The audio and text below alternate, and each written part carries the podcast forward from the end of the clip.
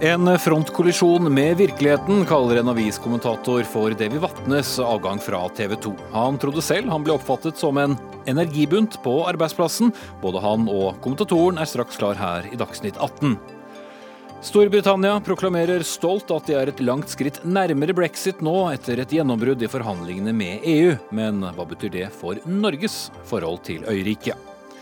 I går ville ikke KrF snakke om en trakasseringssak i ungdomspartiet, men i dag stiller generalsekretæren i studio.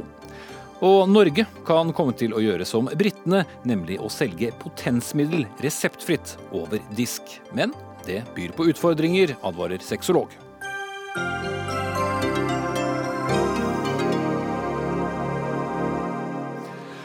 Da sier vi god kveld og ønsker velkommen til Dagsnytt 18 med Espen Aas i studio. Som kjent så kom i går eh, beskjeden om at TV 2-profil Davy Vatne slutter etter 25 år i kanalen. Årsaken er anklager om eh, trakassering, skriver bl.a. Dagens Næringsliv i dag, etter at flere kolleger varslet om at de opplevde Vatnes atferd som trakasserende, startet eh, en dialog mellom ham og ledelsen. Det dreier seg bl.a. om tilbakemeldinger fra Davy og om språk og sjargong, sa organisasjons- og kommunikasjonsdirektør Sara Villand i TV 2 til Dagens Næringsliv i går. Og Davy Vatne, du er med oss direkte fra Bergen. Eh, først av alt, eh, hva er det med ditt språk og sjargong som eh, oppleves trakasserende? Ja, Det er noe provoserende at jeg er så ærgjerrig og kravstor når det gjelder språklig korrekthet, men det med sjargong går vel mer på det sexistiske, det at jeg er en gammel mann med en sånn gammel gristilnærming og serverer dårlige historier for et publikum som er mer elevert, og som ikke er vant til den typen garderobeprat som jeg er vokst opp med, og som jeg kjenner fra deskhumor og fra 47 år i, i pressen. Jeg er lært opp av uh, rollemodeller som var så gamle som jeg er nå. Eh, og Den gangen var tonen røffere. Vi hadde tirsdagsmøter i Bergens Tidende, og vi fikk så ørene hang av Rolf Tofte og Døkker og Madsen og de, de, gamle pennene. Og vi lærte av det og vokste på det, for den gangen var det ingen journalistutdanning. Så jeg har nok eh, ervervet meg en, en annen kultur, en annen væremåte, en annen stil, og den er åpenbart krenkende for dagens unge, og det syns jeg er trist. Kan du gi et slags eksempel på denne, denne humoren eller den tonen?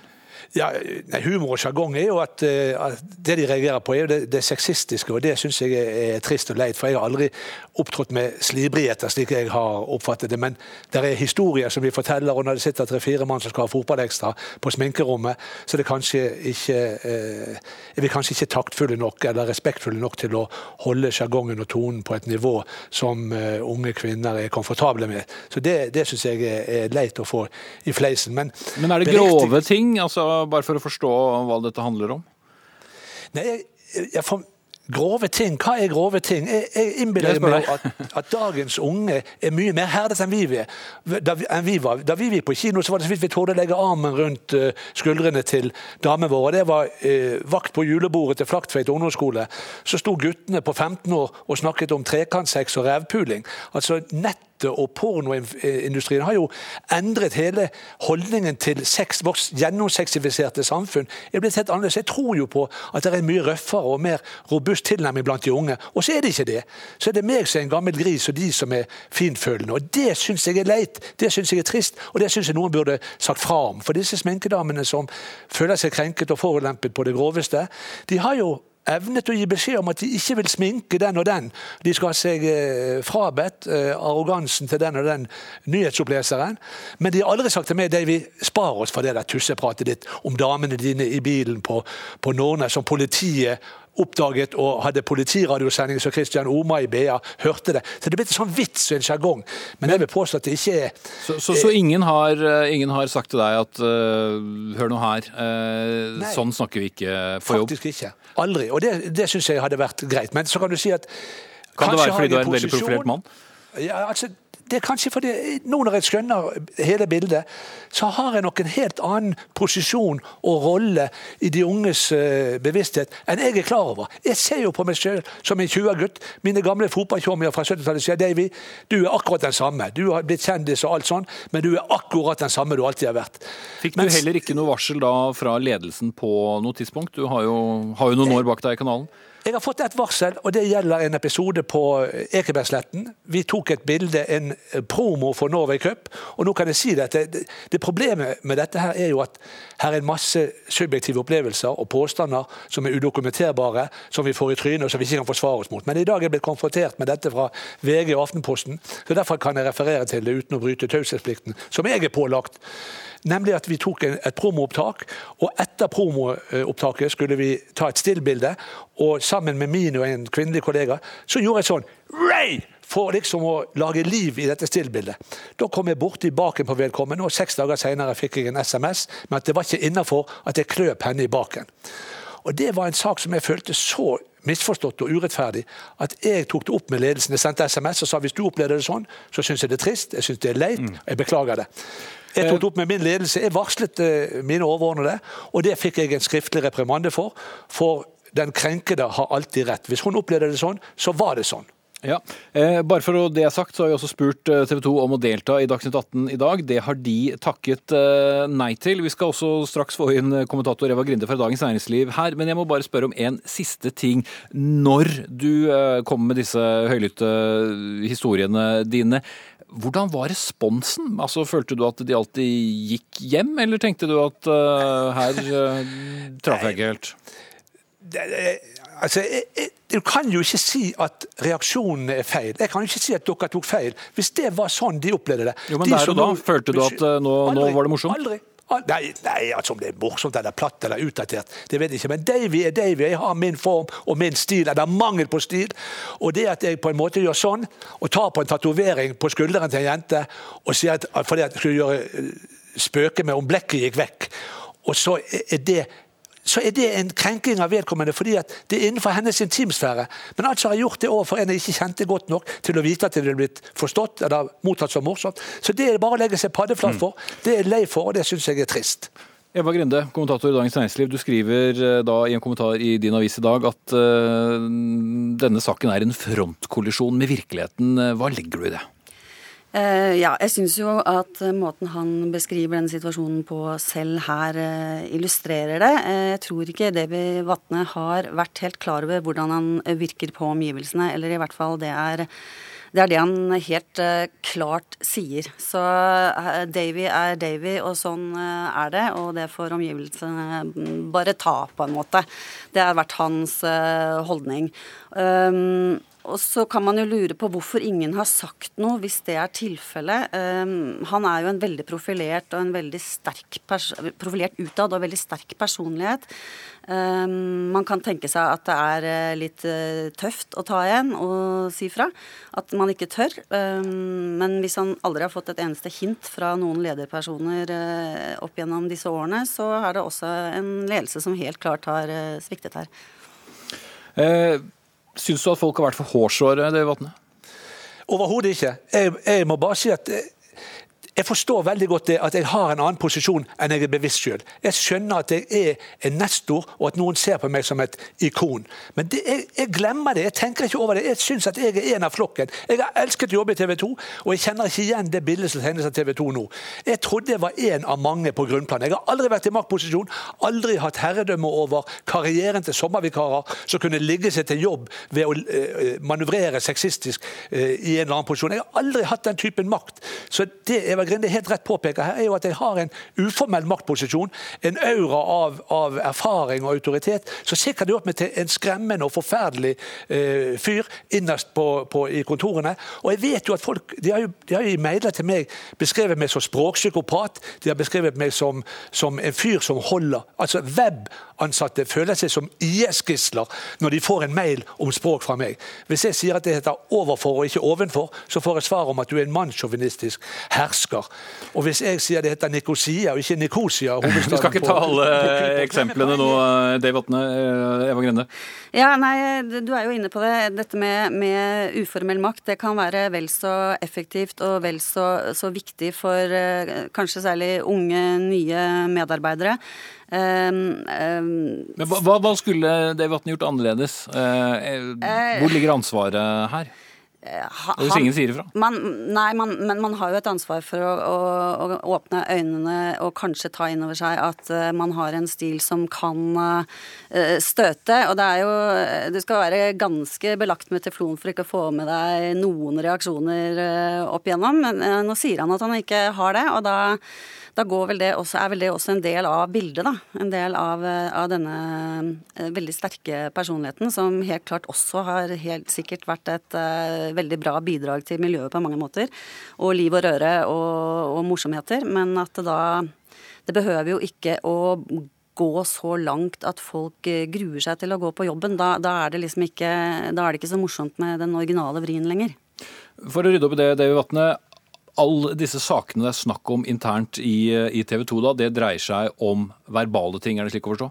Ikke alle. Nei, som jeg har vært inne på, det er jo det, det sexistiske. det er Men det er jo måten jeg parkerer på, måten jeg ringer hjem og etterlyser hotellrom i Cape Town på. Det, det, er veldig sammensatt og veldig variert og veldig vanskelig å, å forholde seg til. Og så er det jo det noen avviste ekser som har et hevnmotiv og som bruker pressen. Og pressen har jo kastet seg over dette her, for nå kan de flytte fokus fra sexistisk handling og julebord i Bergens Tidende og VG og på Marienlyst over på TV 2 som de grusomme. TV 2 har ryddet opp i alle disse overgrepssakene og sparket alle, dessverre med en forsinkelse i den ene saken. Så TV 2 har jo vist en forbilledlig handlekraft som de nå på en måte frakjennes. Mm. Og Men din selverkjennelse i, i, i, etterkant her, da, det Vatne? Hva sa du nå? Din egen selverkjennelse sånn i ettertid? Nei. Jeg skammer meg over å ha forsuret eh, arbeidshverdagen for uh, unge kvinner på, på, i sminken. Jeg syns det er trist at noen har vært uh, redde for meg, og jeg syns det er veldig leit. Og jeg skjønner jo at folk har latt være å ta opp ting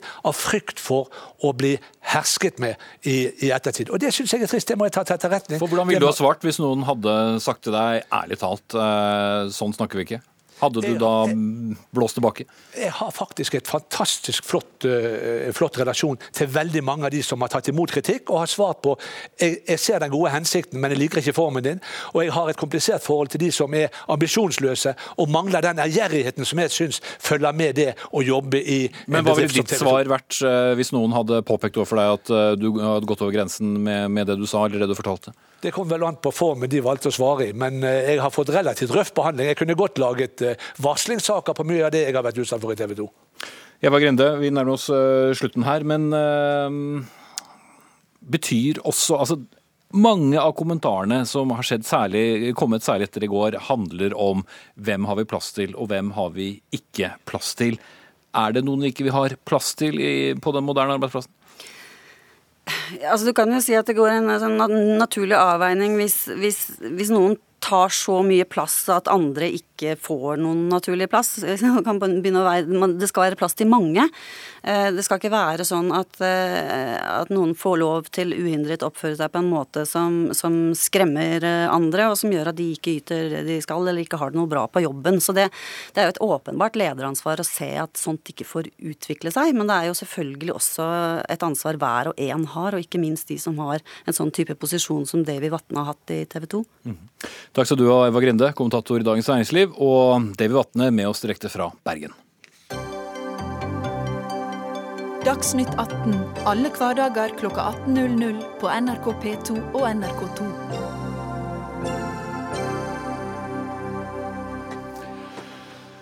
Det satt langt inne, men eh, Storbritannia og EU kom i dag til enighet om eh, iallfall første fase av brexit-forhandlingene, altså skilsmissen mellom Storbritannia og Den europeiske union. Det betyr at eh, de er enige om rammeavtalen for selve utmeldelsen av EU. Herunder hvor mye Storbritannia skal betale til EU, at ikke det skal bli en streng grensekontroll med denne såkalt myk grense mellom republikken Irland, som fortsatt er EU-medlem, og Nord-Irland, som forsvinner ut av unionen sammen med eh, Storbritannia. Og det er også en eh, enighet om rettighetene til EU-borgere i Storbritannia og briter i EU. Og det var en tydelig lettet statsminister Theresa May som møtte pressen etter nattens tøffe forhandlinger. We've been working extremely hard this week, and as you've all seen, it hasn't been easy for either side. Getting to this point has required give and take on both sides. And I believe that the joint report uh, being published is in the best interests of the whole of the UK. Her har det handlet om uh, å både gi og ta, sa altså en uh, tidvis hardt presset statsminister Theresa May, som nå også må stå til rette for denne avtalen hjemme i, i Storbritannia. Men europakorrespondent Philip Lote, hvordan blir nå veien videre etter dette? Fordi det er, ikke, det er ikke alt som er like lett å forstå her, f.eks. denne grensen mellom EU og ikke-EU etter mars 2019. Ja, Det som skjer etter dette gjennombruddet som da nærmest skjedde i natt altså Europa hadde jo ikke, EU hadde ikke rukket å våkne engang før Theresa May gikk inn i EU-kommisjonen bak meg her eh, og møtte Juncker. og Kun minutter senere kom med denne kunngjøringen. Det som er klart er at eh, det irske spørsmålet, altså spørsmålet om grensen mellom Irland og eh, Nord-Irland, nå er avklart. Theresa May har garantert at det ikke blir noen hard grense mellom eh, Irland og Nord-Irland.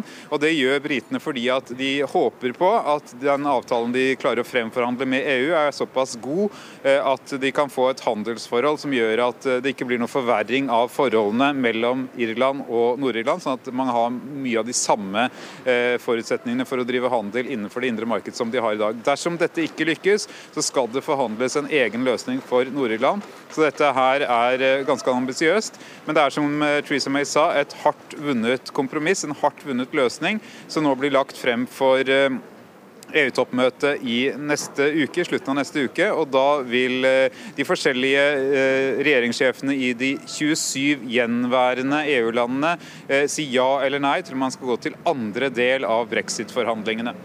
Det er under 16 måneder til hele dette kalaset skal være over. Da er eh, Storbritannia utmeldt. Eh, hva er eh, det vanskeligste som nå gjenstår? Nå skal man jo begynne bl.a. å snakke om handel i tiden etterpå.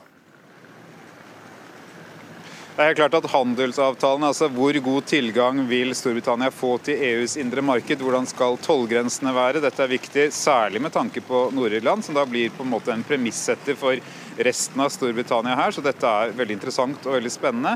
Og så er det også selvsagt et spørsmål om hva gjør man i overgangsperioden. Eh, Theresa May har eh, tegnet et bilde hvor hun ser for seg en toårig overgangsperiode. Eh, opposisjonspartiet Labour sier at dette godt kan vare lenger. Og så er det spørsmål hva gjør britene i løpet av denne overgangsperioden. Og da sa president for EU-rådet, Donald Tusk, i dag at han mener at britene da må betale tilsvarende fullt medlemskap i denne perioden, men at de ikke kan regne med å ha noen stemme. altså ikke ha noen avgjørende stemme i de viktige EU-sakene, men at de eh, på mange måter bare eh, må betale for å henge med fram til en ny avtale trer i kraft. Kort, kort til slutt, eh, Philip. Dette, jo, dette, handler jo om makt. Britene må ikke se ut som de kommer godt ut av dette. Samtidig så er Storbritannia opptatt av at det skal se ut som de kommer godt ut av det. Hvor, hvor havnet denne balansen? Hjemme i Storbritannia så vil Theresa May møte en del kritikk over at de langt på vei har kommet EU i møte, både når det gjelder Nord-Irland, når det gjelder beløpet, hva de er villige til å betale for å melde seg ut, for skilsmissen som det blir kalt, altså rundt 50 milliarder euro pluss pluss hvis man tar med hva de må betale inn i pensjonsordninger etc. Eh, fremover. Eh, og også når det gjelder EU-borgeres rettigheter, så er det vel kanskje mange som mener at de gikk langt, men der har de sagt at eh, rettighetene deres vil bli eh, innlemmet i britisk lov og forvaltet av britiske domstoler. Eh, men eh, Det er et hardt vunnet kompromiss, men det har vært så viktig for britene å komme seg videre til andre fase, hvor de kan snakke om fremtiden og ikke utmeldelsen, at Theresa May så seg tvunget til og mente at det var riktig å komme EU ganske langt i møte i disse vanskelige spørsmålene. Takk skal du ha, Philip Lote. Eh, Marit Berger Østland, EU- og EØS-minister. Eh, dette betyr jo at eh, det vi kanskje eh, har ventet mest på, kan starte, nemlig dette med handelsavtaler. Hva, hva skal du og regjeringen gjøre overfor både EU og Storbritannia herfra?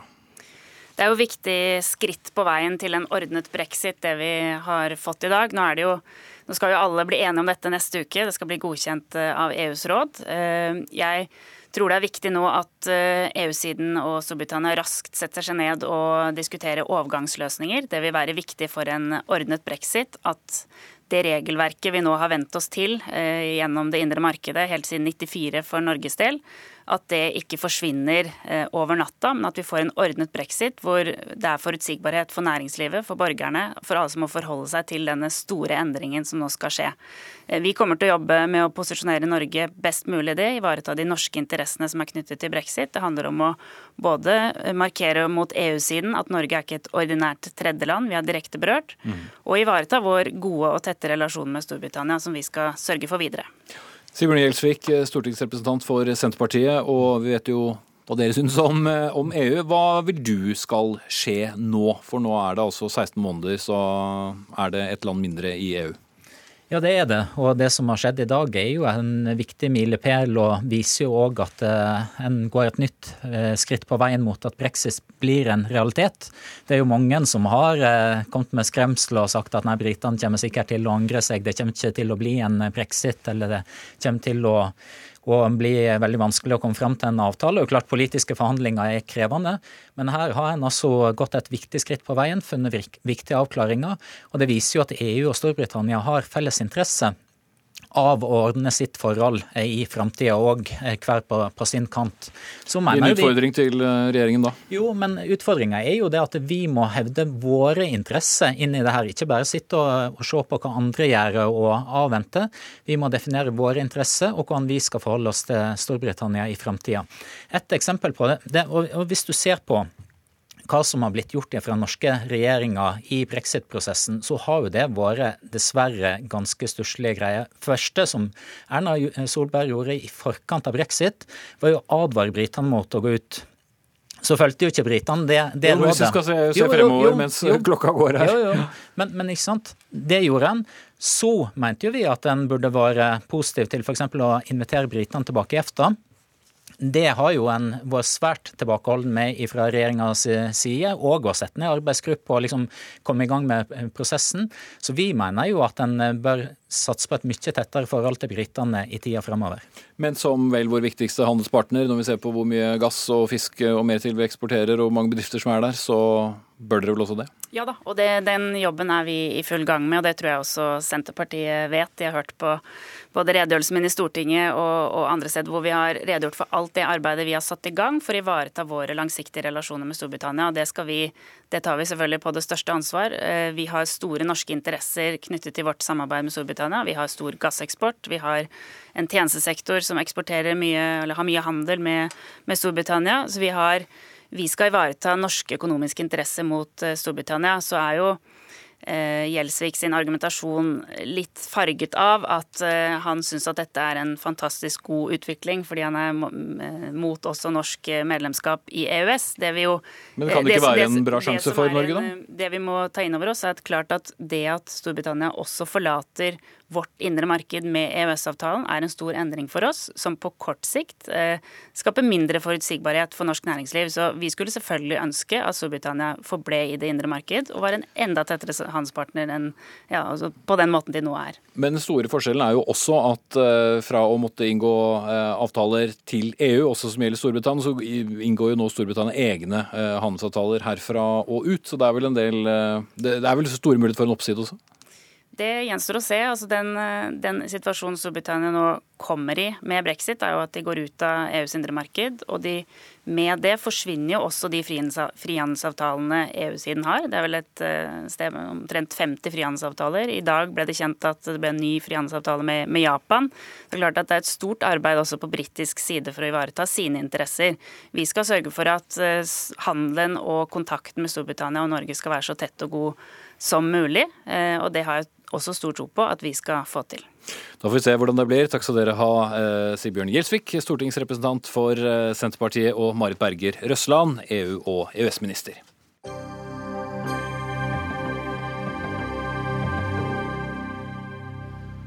Som vi gjerne sier, nå skal vi ha temaskifte her i Dagsnytt 18. Eh, Potensmiddelet Viagra kan nemlig bli reseptfritt eh, i Norge. For nylig har britiske helsemyndigheter fjernet kravet om resept på eh, dette potensmiddelet, hvilket betyr at du nå kan få det uten å gå til legen, men over disk på apoteket. Også her hjemme er eh, Legemiddelverket positiv til en slik endring. Og Steinar Madsen, medisinsk fagdirektør i Statens legemiddelverk, hvorfor kan det være bra å fjerne kravet om resept på dette? Ja, Vi har jo fått en ordning i Norge som heter farmasøytutlevering, så det blir jo ikke helt reseptfritt hvis det blir. og Da må jo noen søke først osv. Det er en lang prosess bak dette. her. Men det rent praktiske for hva skal vi si, brukerne eller de som ønsker å kjøpe? Ja, Det blir litt lavere terskel, men eh, man kan jo lure på om terskelen er lav nok. Fordi man må jo fremdeles gå på apoteket og snakke med en eh, farmasøyt. Og for menn så er det jo et problem å få tak i disse medisinene. De skal først gå til legen og fortelle om sine problemer, og så skal de gå på apoteket og hente disse medisinene. Og det er klart at det er en terskel for, for menn. Et av de viktigste argumentene som eh, har vært på britisk side, har vært å komme den, det mørke markedet, det sorte markedet til livs. At eh, det bestilles eh, piratlegemidler og legg man ikke engang vet hva er, over nett fordi det gis ut for å være potensmiddel. Og det vil være en svært positiv effekt hvis ja. det kan gå over disk. Definitivt. Altså, det er faktisk et av argumentene engelskmennene bruker. Det er at vi vet at en veldig veldig stor del av de falske legemidlene som selges i Europa, er ereksjonsmidler, potensmidler.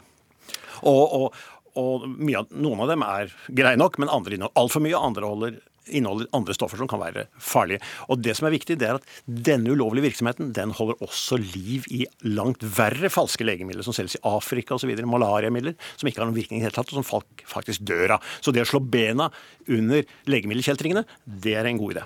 Eh, bare kort spørsmål når det gjelder det. Men det fordrer vel også at langt flere kan få kjøpt det enn i dag? Hvis ikke så vil vel eh, behovet for et, eh, et sånt internettmarked fortsatt opprettholdes? Ja, ja. Og det blir jo veldig spennende nå å se hvordan dette virker i i England, om det virkelig blir noen større endringer i England. Mm.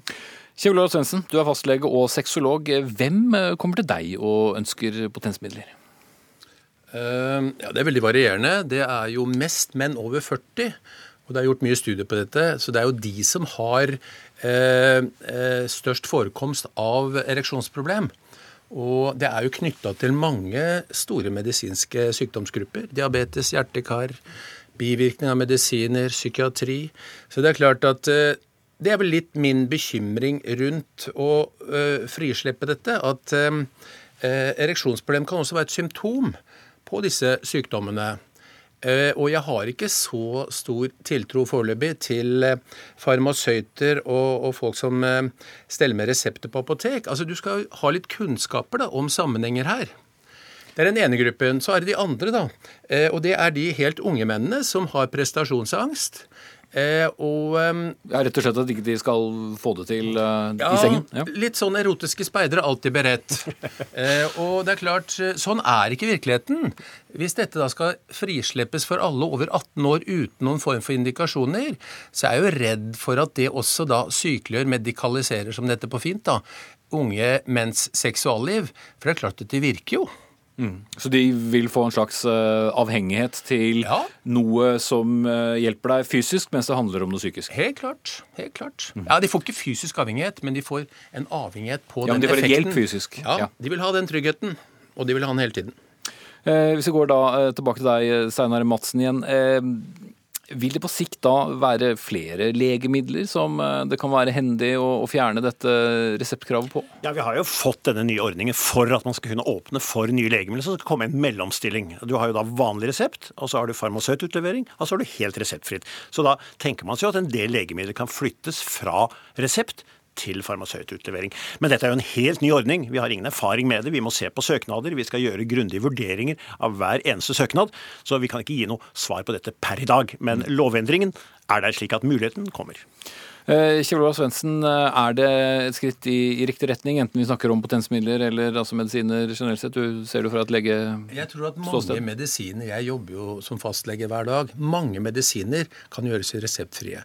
Men jeg er litt skeptisk til det der mellomstadiet. Da skal folk ha betydelig kompetanse. Og jeg ser en del bivirkning av det allerede hvor apotekere har blitt mer ivre, ivrige, liksom. De begynner å, å diskutere med pasienter om det er riktig dose, interaksjoner, altså samvirkende medisiner. Det skaper mye føss. Blir, da kommer pasienten tilbake, og så skaper det usikkerhet. Vi har disse kameragreiene på apotekene hvor de tar bilder av alle føflekker og sier at du måtte hudlegge tvert. Hudlegene er veldig lite happy for det, fordi eh, det gjør noe med at prioriteringen på et medisinsk grunnlag For de overtar mye, ikke mye, men de overtar da en viss del av jobben. De kan ikke stille en diagnose slik du ville gjort, og så skrive ut en resept. Men hva må de da gjøre? Hvilke spørsmål må stilles? Ja, da skulle du ha litt kunnskaper om det.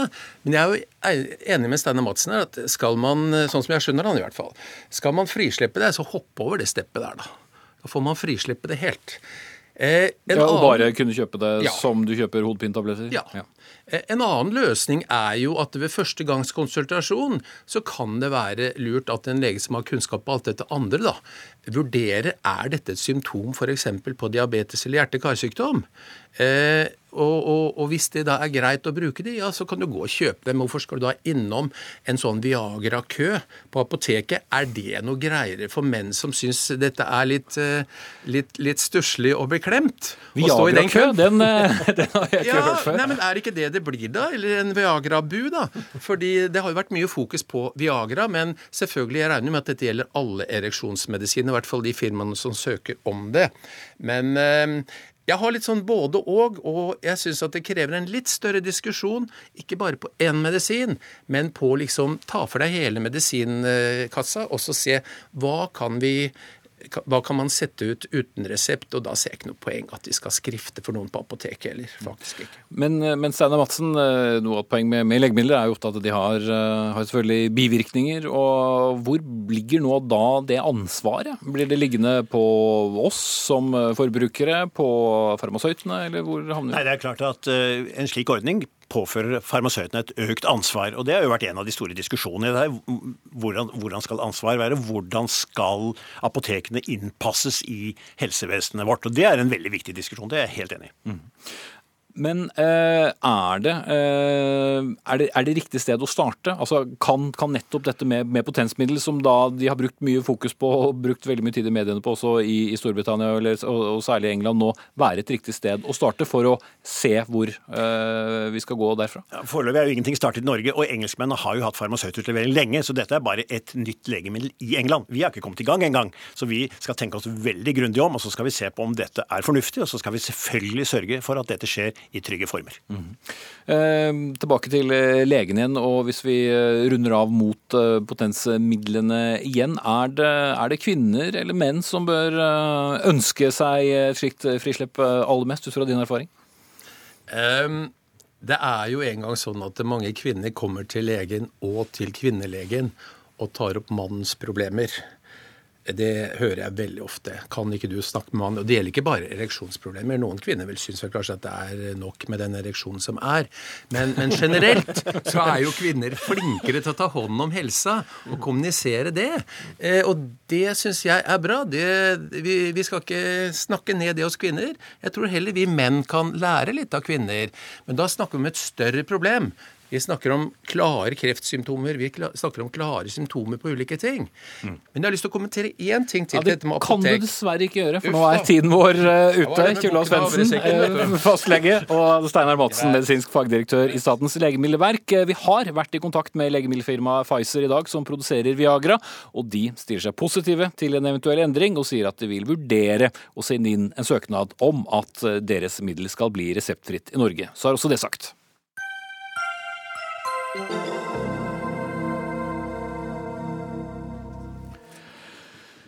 Da skal vi til landbruket. For eh, landbruksministeren har jublet over inntektsutviklingen i jordbruket. Men eh, Bondelaget mener det ikke er noen grunn til denne jubelen, og sier at landbruksministeren nok opererer med en egen virkelighetsbeskrivelse. Og Per Skorge, generalsekretær i Norges Bondelag, eh, hva er det av denne virkeligheten, hvis ikke det skal, skal jubles?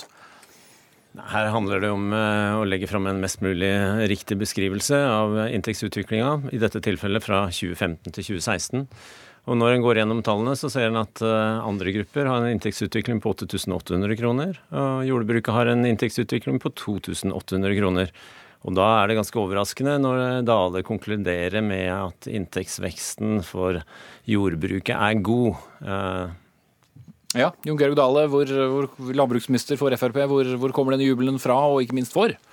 Nei, For det første så gleder jo jeg meg over når det går godt i norsk jordbruk. Helt uavhengig av hvem som styrer landbrukspolitikken, så er vi jo avhengig av det hvis vi skal ha bønder i Norge.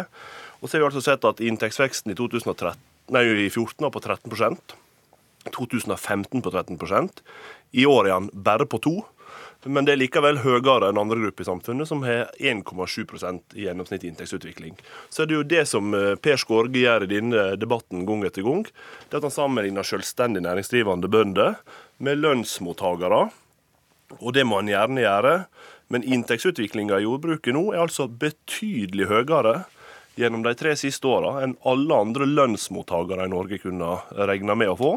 Og Det viser jo punkt én at det går godt i norsk jordbruk, og punkt to at eh, det er store muligheter for fortsatt vekst, fortsatt økt matproduksjon. og Derfor har jeg tillatt meg å glede meg over det. Mm. Skorge, hva sier du til, eh, til hans tall? Nei, det er jo sånn at Er de, er de riktige? Eh, Stortinget har jo senest i våres debattert og konkludert på dette området, og angitt hvordan man skal beregne bondens inntekt når han skal sammenligne med andre inntektsyrkesgrupper. Eh, og det er jo det Dale da ikke følger den anvisningen, eh, men eh, produserer tall som ikke er sammenlignbare. Og Da hadde jeg forventa at fagstatsråden på dette området hadde fulgt Stortingets anvisning og gjort en beregning av tall som, som gir en ærlig framstilling av utviklinga fra 2015 til 2016. Altså som jeg sier, 2800 kroner mot andre grupper 8800. Det er vanskelig å konkludere med at det er en god inntektsvekst eh, for jordbruket. Har du en egen, egen kuleramme? Nei, det er ikke. Bruker tallene som driftsgranskingene fra Norsk institutt for bioøkonomi eh, leverte i går. Og så er det jo morsomt å vite at en av grunnene til at Per Skårge nå vil operere med andre tall, det er at verdien av jordbrukets spesielle skatteregler går ned når bøndene får redusert skatt. Det betyr at de kunne jo blåst opp inntektssida eh, til norsk jordbruk med å øke skatten deres. Men hadde blitt mer igjen i lommeboka til den norske bonden da? Åpenbart ikke. Men hadde disse tallene vært bedre på inntektsutvikling? Åpenbart ja. Og Det viser jo paradokset. Når du skal sammenligne inntektsutvikling med andre grupper, så må du sammenligne dem med slik andre får det gjort. Og det er det vi, vi gjennom presenterer disse tallene. Men det, det hadde vært et godt utgangspunkt om dere hadde forholdt dere til samme tall. For nå er, er, dere jo det, litt i to virkeligheter her. Nei da, det er vi ikke. Altså, når vi forhandler jordbruksoppgjør, så sitter staten og bondeorganisasjonene sine, så blir vi enige om grunnlagsmateriale på inntektsutvikling og prognostiserer det grunnlaget før vi forhandler.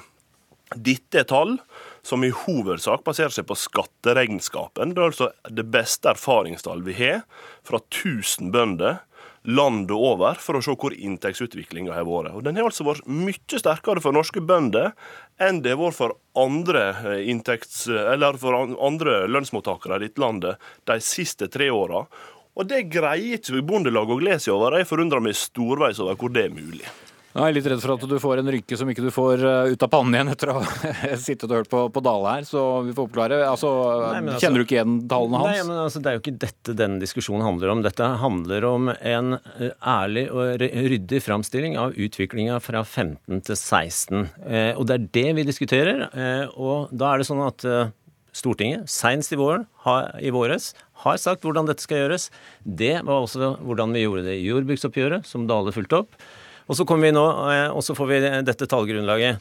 Og så begynner eh, statsråden å sammenligne med andre grupper, og så lager han andre regnestykker. Og da blir det jo full forvirring. Mm. Nå har jo Stortinget i... lagt et, et, et, løp her, og da, da, må jo det følges opp. Ellers, men er du enig i Skorges uh, måte, eller det Skorge sier, at du skulle forholdt deg til noe annet, eller er det, er det dette har du Nei, altså Regnskapstallene til NIBIO som vi bruker som grunnlag for driftsgranskingene, er jo sammensatt slik de er av en grunn, og det er derifra jeg henter disse tallene. Men da er det jo grunn til å spørre Skorge, da. Altså hvis, hvis vi hadde økt alminnelig skattesats, og selskapsskatten igjen nå fra 25% som man var i 2016, opp igjen til 28 som man var når du overtok. Jo, men da har du nytt regnestykke. Hør nå, da. Da hadde inntekter til bøndene regnskapsmessig gått opp med en og en kvart poeng. Ja. Men det er det. Hadde det blitt høyere inntekt på bøndene av det? Jo, Det gøyale med tall er at man kan jo putte inn mange forskjellige tall, men hvorfor eh, Altså, de, de, tallene som eh, Skorge nå eh, legger frem, og som eh, er de eh, som Stortinget har, har, fastslått, er du enig i at det er eh, Altså den utviklingen som han beskriver, er du, er du enig at den er riktig, men at du da velger å bruke andre tall som du mener gir en riktigere, eh, sett med dine øyne, da, eh, inntektsutvikling? Eller hvordan henger dette sammen? Nei, men når vi forhandler jordbruksoppgjør, da beregner vi eh, det basert på at partene setter seg ned og blir enige om tallgrunnlaget i tråd med det Stortinget lagt føringer for. Mm. Når det, gjelder, drift, nå, når det ja. gjelder driftsgranskningene, som er et resultatregnskap for 1000 jordbruksbedrifter landet over, så er de basert på, i hovedsak, på de skatteregnskapene vi har. Og Det er de beste tallene vi har fra norsk jordbruk. og Da er det naturlig for meg å måle resultatene på det. Og så er det jo forunderlig. I fjor så var kritikken fra Bondelaget at inntektsutviklinga var for så vidt bra i fjor, eller en pen inntektsutvikling, som de skrev i pressemeldinga da. Men da var det for lite inntektsutvikling for distriktsjordbruket. I år er det formidabelt god utvikling for distriktsjordbruket. Trøndelag går inntekten opp med 11% på Vestlandet med 7-8 Men i år, men i Forvirret alle lyttere nå, tror jeg, med tall. Men, men, men, i, år er da, i, i år er da kritikken at det samla volumet er for dårlig, og at det er feil måte å regne på. Ja, men Da registrerer jeg at Dale ikke følger anvisninger fra Stortinget, skaper full forvirring om tallene. Jeg mener vi får kjøre én linje og følge den. Da er det mulig å forstå dette her. Men det grunnlaget også, som han viser til, da, hva, hva, sier du om det? Er nei, det et også, feilaktig grunnlag? Og så sier Dale at for distriktsjordbruket, og spesielt det grasbaserte, står det i pressemeldinga fra Landbruks- og matdepartementet i dag, eh, har en veldig god utvikling og viser til Vestlandet og Trøndelag. Eh, og Det er nok en feilslutning fra eh, fagstatsråden her. Eh, går man inn i dette her, så ser man at det grasbaserte, altså ku og sau, som er det viktigste i distriktene, der er inntektsutviklinga veldig, veldig begrensa. Mens det er på frukt og korn, som på ingen måte er ku og sau. Så, så poenget er at Dale må bruke disse tallene på en, en måte som gir et riktig bilde. Vi er ikke ute etter noe som helst annet, men la oss skape et riktig bilde av utviklinga fra 15 til 16. Og det må dere i hvert fall neste gang dere skal samles for å eh, ha jordbruksoppgjør. Eh, takk skal du ha, Per Skorge, og til deg også, Jon Georg Dale. Hør Dagsnytt 18 når du vil. Radio NRK NO.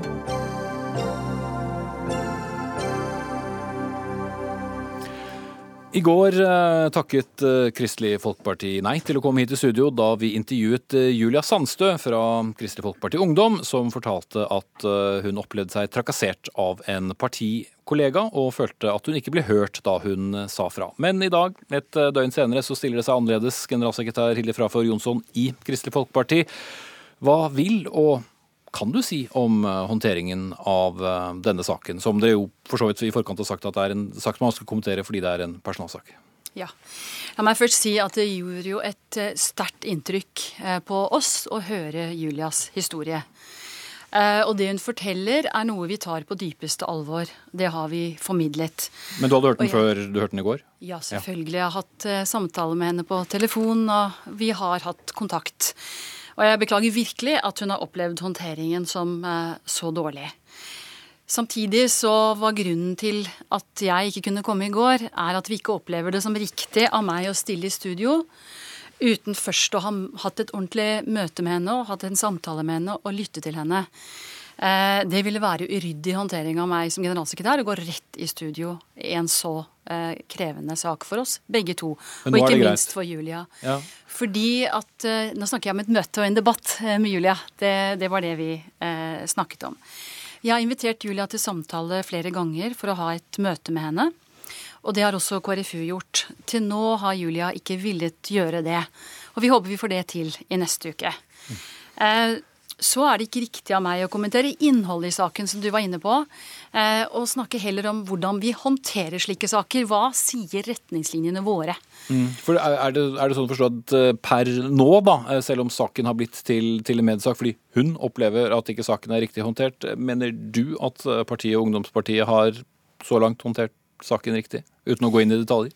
Jeg kan ikke gå inn og bedømme håndteringen, fordi jeg var ikke til stede og har ikke hatt de samtalene. Det er ikke riktig av meg å gå inn og, og vurdere innholdet i saken. Men, men andre det, som har vært inni den, kan vel gi et slags bilde av det? Det tar vi på dypeste alvor. Så når Julia forteller dette, så gjør vi det. Og det beklager jeg sterkt. Det som er viktig for meg å formidle, det er hvordan retningslinjene fungerer. De har vi hatt lenge, men i tillegg så har vi også varslingsrutiner. Og de inneholder kritikkverdig, kritikkverdige forhold, inkludert trakassering. Og det vi gjør da, det er med en gang vi får en varsling, sier varslingsrutinene våre man skal umiddelbart ta kontakt med offeret.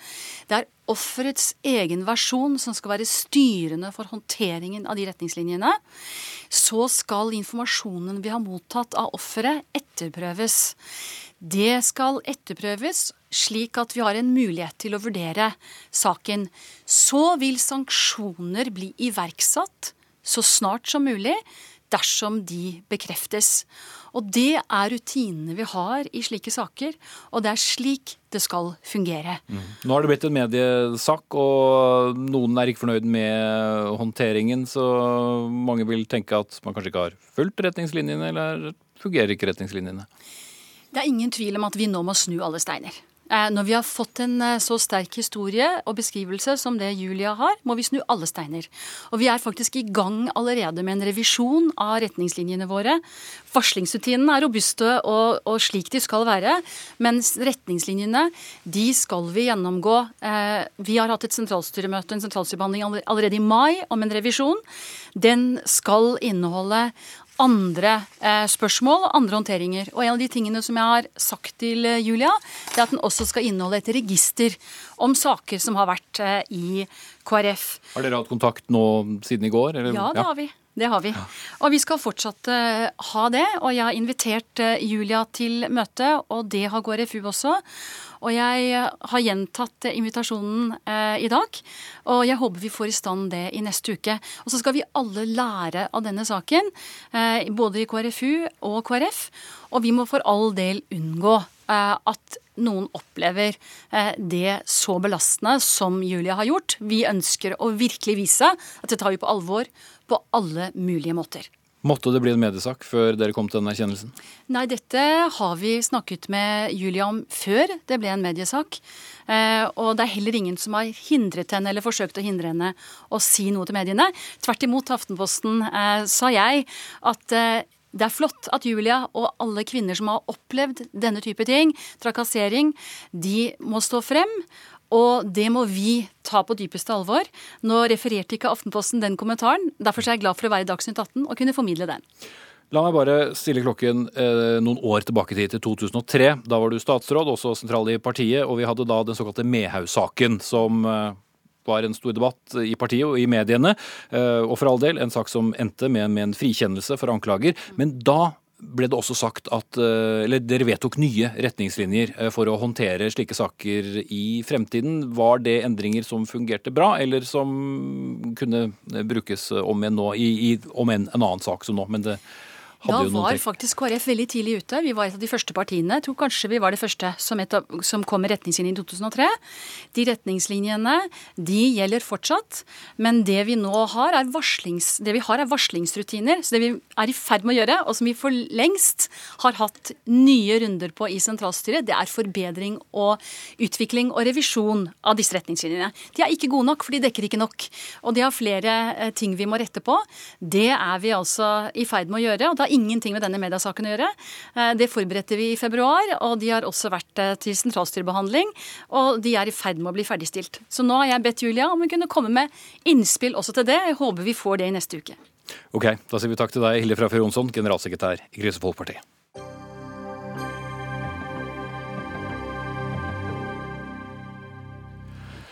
Aldri før har fengselsansatte blitt eh, utsatt for eh, mer vold og trusler. Fra 2014 til 2016 var det en dobling av antall registrerte volds- og trusselhendelser mot ansatte i norske fengsler.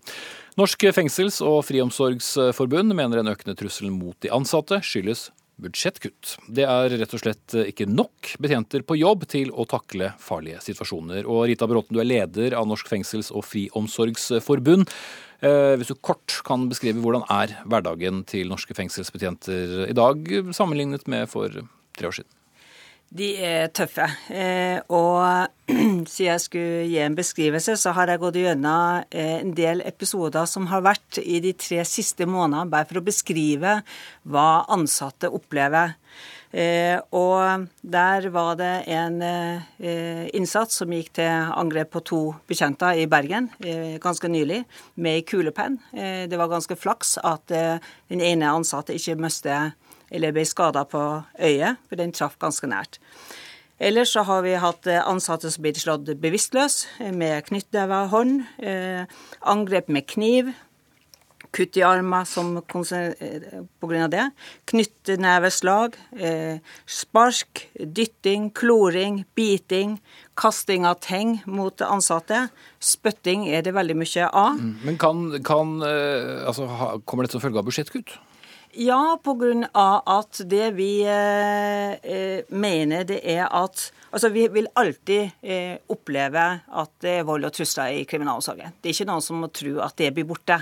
Men det vi ser i forhold til den økninga som har vært, det er at man parallelt har kutta i bemanninga. Og så sier Så konkluderer det da med at det er årsaken? Ja, pga. at det som eh, ansatte sier, det er at de får ikke vært sammen med innsatte i fellesskap. De får heller ikke tatt den dynamiske sikkerheten ved å følge de eh, i det daglige. Og Det betyr at når en innsatt blir isolert eller sitter mye alene, eller innsatte eh, sitter og har samtaler bare med seg sjøl, så oppdager ikke bekjentene at her er det en endring, og at man blir frustrert eh, og dermed aggressiv. Og Det kan man eh, gjøre noe med hvis man hadde hatt en bedre bemanning.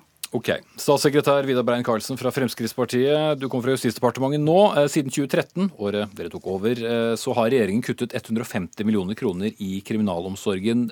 Hvorfor kutter man der? Ja, Det er ikke riktig. Slett ikke. Det har vært ei milliardsatsing på, på kriminalomsorgen siden vi tok over i eh, 2013. Det vil altså si at vi har eh, skaffa til veie mange nye fengselsplasser og ordna opp i det store kapasitetsproblemet som var der.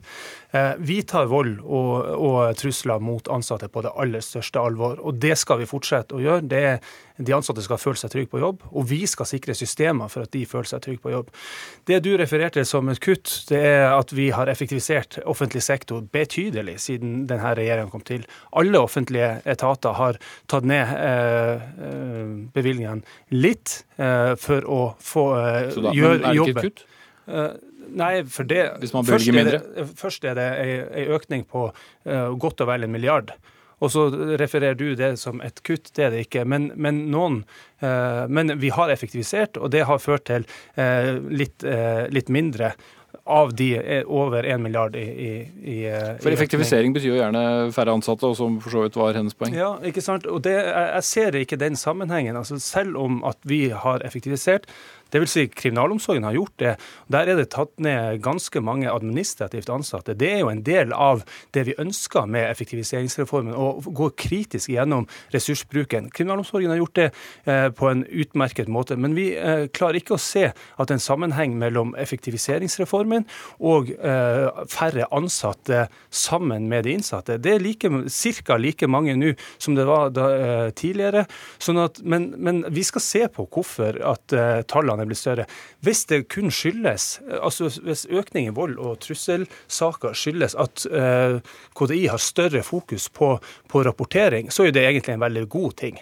Altså at vi får frem alle sakene. Og det, det, det, er i så fall bra, for da har vi et bedre grunnlag for å, å gjøre noe med det. Ok, eh, Sigbjørn Gjelsvik, eh, in døren uh, stortingsrepresentant for Senterpartiet. Du har sikkert eh, lyst til å si at dette er noe dere har advart mot i, i flere år nå, men det er vel heller ikke så galt å tenke at man kan drive fengselsvesen mer effektivt og bruke pengene mer effektivt? Jo, men ikke når det går på bekostning av den sikkerheten som skal være for eh, de ansatte når det blir et dårligere tilbud òg for de innsatte. For Det som vi òg får tilbakemelding på fra de, de som både er tillitsvalgte, men òg ansatte i fengsel, det er jo at en risikerer å slippe ut igjen folk som er minst like farlige som når de kom inn i fengsel. Så at det, det, har vært et veldig fokus på at en skal få fangene inn i fengsel, og så skal de ut igjen. Men det er jo noe av det som er viktig ved en fengsel. Det er jo nettopp at en sørger for at de som kommer ut igjen, det blir rehabilitert. Her blir det kutta i tilbud. Det er kutta i tilbud knytta til alternativ til, til vold, sinnemestring osv. Så, videre. så i tillegg, altså når han snakker om Statssekretæren snakker om at her er, det, eh, her er det ikke snakk om at det er for få ansatte. Vel, eksempelvis Folk som jeg snakker med som jobber i fengsel i Oslo, eh, er da i en arbeidshverdag. Det er fire ansatte på 56 fanger. Og flere av de ansatte òg ufaglærte. Da bør en sørge for å få flere faglærte inn i fengsler, flere ansatte, og få bedre tilbud til, til, de innsatte i fengsel, istedenfor en, en dyr og dårlig eh, fangeutveksling til Nederland, som en har satsa på fra regjeringas side. Nederland har vært gjennom mange ganger, men Brein Karlsen, du kan svare på det eh, som handler om eh, norske fengsler. Ja, ikke sant. Og annet pga. det fengselet i Nederland, så har vi hatt muligheten å ta ned beleggene i fengselet. Altså, vi har ikke proppfulle fengsler sånn som vi hadde før, med rundt 100 eh, kapasitetsutnyttelse hele tida. Vi og de ansatte har vært enige om at vi burde ha det litt lavere, altså ned mot 90% sånn at det blir bedre tid til å jobbe med de, med de innsatte, og at man får en mer fleksibel hverdag og, og mer forutsigbar hverdag. Det har jo blant annet det, det uh, utskjelte nederlandsfengselet, som ingen av dere har vært uh, enig i Men hvis vi dropper det nederlandsfengselet, har vi diskutert flere ganger, hvis vi går tilbake har, til forholdene her, som hun snakker om for ja, sine ansatte og eventuelt de norske innsatte? Jeg understreker på nytt igjen at den, uh, vi er veldig opptatt av å ha grunnbemanning i fengslene. Derfor har vi også tilført flere klasser på, på utdanningssenteret for å få flere som er, som er godt kvalifisert. Og vi ser altså ikke at det er nedgang som signifikant, i hvert fall, av ansatte som er i kontakt med de innsatte. Det er jo litt viktig. Det er de som er i den daglige kontakten, som står for den dynamiske sikkerheten. Og der ser vi altså ikke den store nedgang. De her eksemplene som kommer, det tar jeg på det største alvor. Og vi, vi har veldig eh, lyst å prøve å få bedre, eh, bedre ordninger for at vold eh, unngås mest mulig, eh, så langt det går, med, med det risikoyrket som altså, kriminalomsorg er. Problemet er jo at du tar det ikke på alvor. Altså i løpet av to år, Nå er det over 1000 eksempel på, som er innrapportert på vold og på trusler mot mot ansatte ja, det i, i norske også. Ja, jo, jo, mot innsatte òg. Men, men, men, mens altså, klokka går her, la meg hente inn deg igjen. da. Rita Bråten, nå er du selvfølgelig en forbundsleder, og forbundsledere ønsker vel sjelden nedmanninger velkommen uh, uansett. Men hvis vi skal prøve å være litt sånn konkrete her, da. Hva er det som mangler, og hva, hva er det du mener du trenger også for trygg arbeidshverdag og eventuelt også en bedre rehabilitering. Det som er viktig å huske på, det er at når man sier at man har satsa på kriminalomsorgen og tilført veldig mye Ja, det er til vedlikehold, som skulle bare mangle. Det er statens eiendom. Det er til spesialtiltak, dvs. Si økning av EK. Eh, ND, som er narkotikaprogrammet som er mm, Ikke for mange detaljer som lytterne ikke kjenner. Og, jo, og det betyr at der man har satsa og bevilga penger, så har man gjort det. Det er helt riktig. Mm. Og man bruker masse penger til å eh, drifte Nederland. Men når man kutter i forbindelse med avbyråkratiseringa, så betyr det at man kutter direkte i driftsbudsjettene. Og det betyr at når 80% av driftsbudsjettet består av lønn, så sier det seg sjøl at det går utover bemanninga. Og ja, man har eh, kutta i administrasjon. Ja, men det holder ikke. På grunn av at det vi vet, og som eh, er justisministeren òg vet, det er at det dekkes ikke opp ved fravær. Og det betyr at vikarbudsjettet og overtidsbudsjettet det har stupt fra 2014 og fram til i dag. Jo, men det jeg ikke skjønner er, Hvis man kutter i administrative stillinger, hvorfor blir det da færre vikarer hvis jo, det handler om å øh, passe på fanger? Jo, men det er jo ikke de som kuttes. Altså, eh, altså De administrative stillingene, det er i region, eh, det er eh, i fengslene. Men det betyr at de som jobber direkte med de innsatte, det er der de kuttes. Der dekkes det ikke opp. Og det man regner ut i forhold til hun påstår at det er like god bemanning. Ja, man ser på hvilke utgifter man har til eh, disse personene. Og er de borte, har de svangerskapspermisjon med lønn, er de syke med lønn, så betyr det at det ikke settes inn en vikar. Det betyr at den fysiske tilstedeværelsen ikke er der. Ok, Vidar Brein Karlsen, 20 eh, sekunder nå, så må jeg vise dere ut, så du kan eh, få lov til å komme et kort svar til slutt. Ja, jeg føler at vi fortsatt har veldig god kontroll. Det har blitt lavere belegg i fengslene, sånn at det er bedre forhold for, den, for, de enkelte fengslene. Det skyldes at vi har satsa veldig hardt på kapasitet. Hvis det er bekymring knytta til driftssituasjonen i, i fengslene, så kommer vi til å gå inn i det også, og se på hvordan det eventuelt kan løses. Ja, der var de 20 sekundene, er redd. Ansvarlig for Dagsnytt 18 denne fredagen, det var Arnhild Myklebust. Teknisk ansvarlig var Eli Kyrkjebø. Her i studio satt Espen Aas, og Dagsnytt 18 er som alltid tilbake igjen på førstkommende mandag. Takk for i kveld.